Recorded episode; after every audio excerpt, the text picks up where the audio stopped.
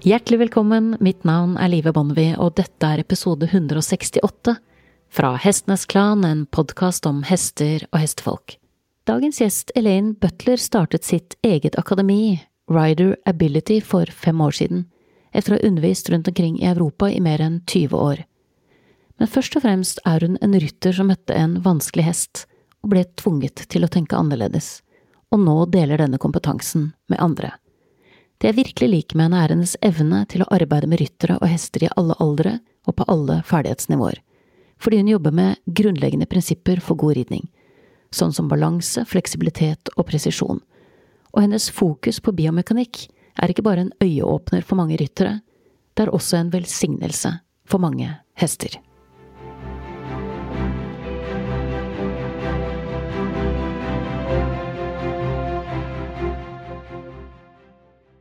Elaine var en av de hestejentene som oppdaget hester av seg selv, uten at noen i familien inspirerte henne eller var interessert i hester, kanskje med unntaket av hennes oldefar som er sagt å ha vært hovslager. Hun var en sånn jente som ønsket seg en ponni til jul hvert eneste år, og årene gikk.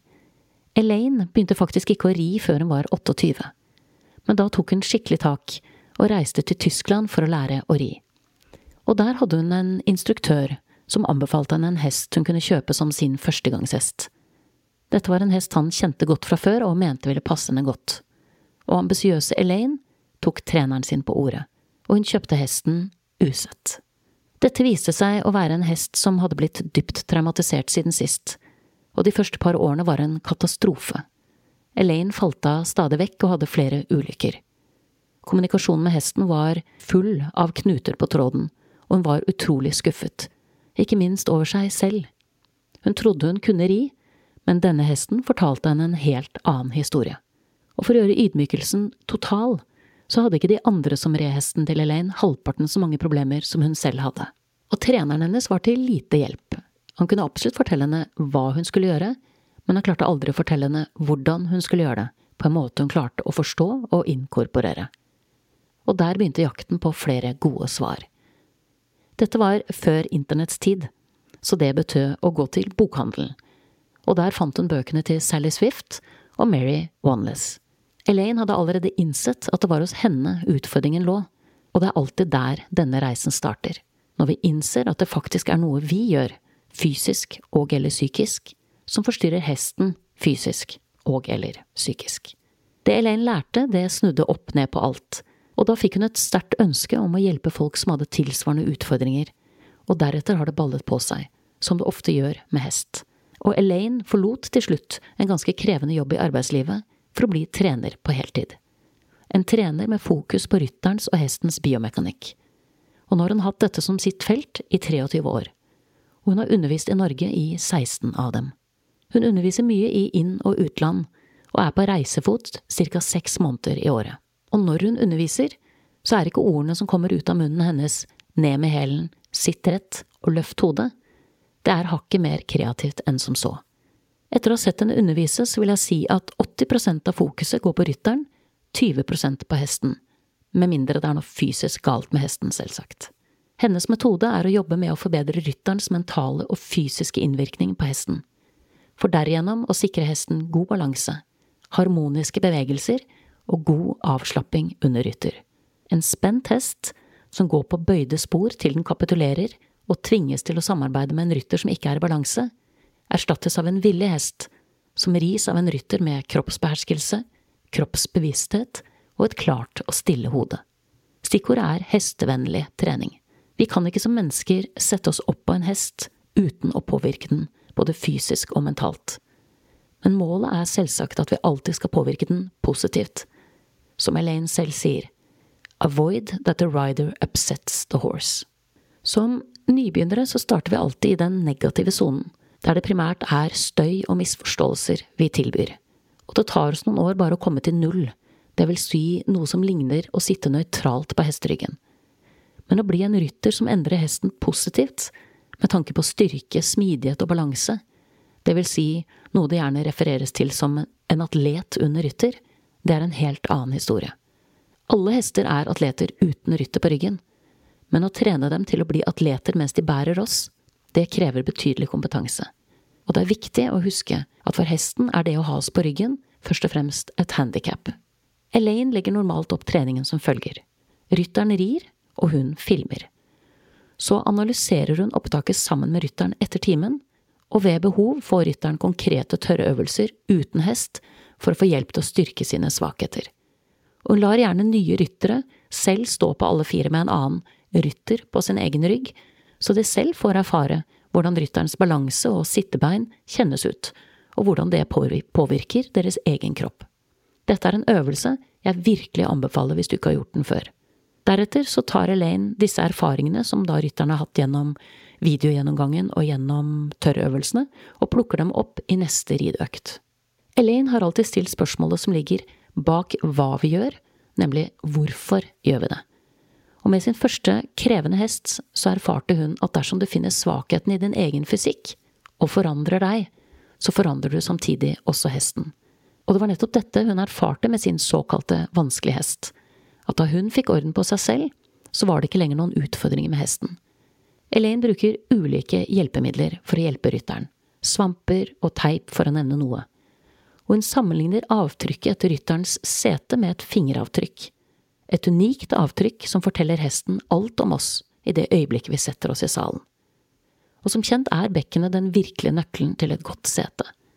Det er her vi skaper press, ubalanse, og det er her vi fort kan ende med å sitte i veien hvis vi ikke selv er i balanse. I motsetning til at vi gjennom setet åpner muligheter, skaper balanse og er ute av veien for hesten. Dersom vi sitter riktig på hesten, vil hester med mye fremdrift sakke farten, og hester med lite fremdrift vil øke den. Jeg spurte Elaine om å si noe om hva hun ser hvis hun tar for seg ti ryttere som representanter for det hun møter i felt, og da sier hun at to av disse ti rytterne vil gjøre en god jobb i salen. To av de ti rytterne vil være altfor stive, særlig i hoften, siden vi sitter for mye i hverdagen, og dette vil uunngåelig begrense hestens bevegelser. Seks av rytterne vil være for passive, for ustø eller for vinglete. De mangler den stødige kjernemuskulaturen vi trenger når vi rir, og den positive spenningen i kroppen som gjør det lettere for hesten å bære oss. Disse rytterne forstyrrer gjerne hesten med både tøylene og skjenklene, fordi de verken har kontroll eller bevissthet på sin egen kropp og de lar hesten bevege dem, fremfor at de ligger et hakk foran og selv beveger hesten.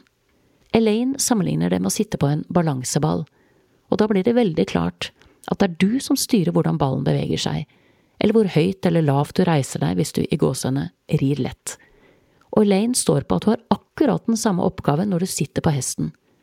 Uten at kjernemuskulaturen din er med i spillet, vil du aldri få en avslappet og god hofte i møte med hesten. Du vil bli skjøvet hit og dit av hestens bevegelser, uten å være i stand til å sitte i eller med bevegelsen. Vi har lett for å falle frem i overganger som går ned i hastighet, og falle bakover i overganger der vi øker hastigheten. Og bare ved å klare å endre dette lille momentet, så vi sitter stille, så sikrer du deg en vesentlig blidere og mer fornøyd hest. Mange hester som har et stort fremad, er hester som er ute av balanse. Men dessverre tolker vi ofte og feilaktig denne fremdriften som et villig fremad, mens det egentlig er en kamp for å holde balansen fra hestens side. Elaine sier det slik. Dersom hesten øker framdriften med 20% i skritt, så er det ikke nødvendigvis slik at vi legger merke til det. Følgelig gjør vi ikke noe med det. Øker den derimot med 20% i galopp, da får man fort panikk, og blir svært opptatt av å gjøre noe med det. Men det er altså viktig å fange opp dette allerede i skritt for det innebærer at forbeina forter seg av gårde uten at bakbeina klarer å holde følge, og da mister man ryggen, både hestens rygg og sin egen. Det er vårt ansvar å hjelpe hesten med å senke tempoet, ikke ved å stramme tøylene, men ved å kontrollere bevegelsen i vår egen hofte. Dette vil hjelpe hesten til å redusere avstanden mellom forbeina og bakbeina, og det igjen hjelper hesten til å bære oss bedre. Og hesten vil ikke bare svare deg med å senke tempoet, senke nakken og løfte ryggen, men den vil svare med takknemlig lettelse over at du slutter å jage den fremover. Og jeg vil også legge til på en mer personlig note at det også er til stor hjelp for hesten hvis vi klarer å senke vårt travle tankemønster, som vi også ofte tar med oss hjem fra jobben. Ridning handler dypest sett om å plugge setebeina inn i kontakten, om man kan si det slik, og gi hesten en ramme der den er komfortabel selv om vi sitter på ryggen. Det er her hesten får kontakt med sitt innebygde fjæringssystem og får mulighet til å tilbringe mer tid i svevet. Å drive hesten fram, uten at dere er i balanse, er ikke bare skadelig for hestens fysikk, det er skadelig for relasjonen mellom dere og hestens mentale helse. Elena er ikke noen forkjemper for å betrakte seg selv som en passasjer på hesteryggen, fordi dette ofte tvinger hesten opp i en hastighet på en måte som er negativ for den. En vennlig og klok veileder er hestens foretrukne rytter. Hester trives ikke i fluktmodus, og det er først og fremst ved å få kontakt og kontroll med vårt eget bekken og vår egen torso vi kan gjøre livet enklere og bedre for hestene vi rir. Stive hender og stive skjenkler henger gjerne på en stiv kropp, akkurat som vinglete og urolige hender og vinglete og urolige skjenkler henger på en vinglete og urolig kropp. Å endre på hender, føtter og hode vil ikke gjøre deg til en bedre rytter. Det som hjelper, er å endre på det som er i midten.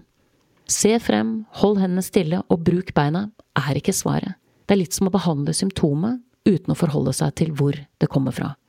For hvis man ser ned, har urolige hender og bruker beina flittig, er man ikke i balanse. Verken som rytter eller som ekvipasje. Elaine kommer i løpet av intervjuet med flere tips til hvordan du kan forbedre din sits på egen hånd, så jeg anbefaler som alltid at du hører det originale intervjuet i sin helhet. For som hun sier avslutningsvis, det hender at hesten har en atferd som vi feilaktig tolker som ulydighet, som egentlig er et rop om hjelp. Du har nettopp hørt episode 168 fra Hestenes Klan, en podkast om hester og hestefolk. I neste ukes episode så skal du få et gjenhør med veterinær Katrine Fjordbakk, som tidligere har levert noen av de mest nedlastede podkastepisodene noensinne, som myter knyttet til sårbehandling og en episode om løse beinbiter. Temaet for neste uke er hudsvulster, som er noe enhver som driver med hest bør ha kunnskap om. Da gjenstår bare for meg å takke min faste komponist Fredrik Blom, designeren av podkastens visuelle profil, Ove Hals, lyddesigner Stig Holte, min gjest Elaine Butler, og sist, men ikke minst, vil jeg som alltid takke deg, kjære lytter, for tålmodigheten. Måtte hesten for alltid være med deg.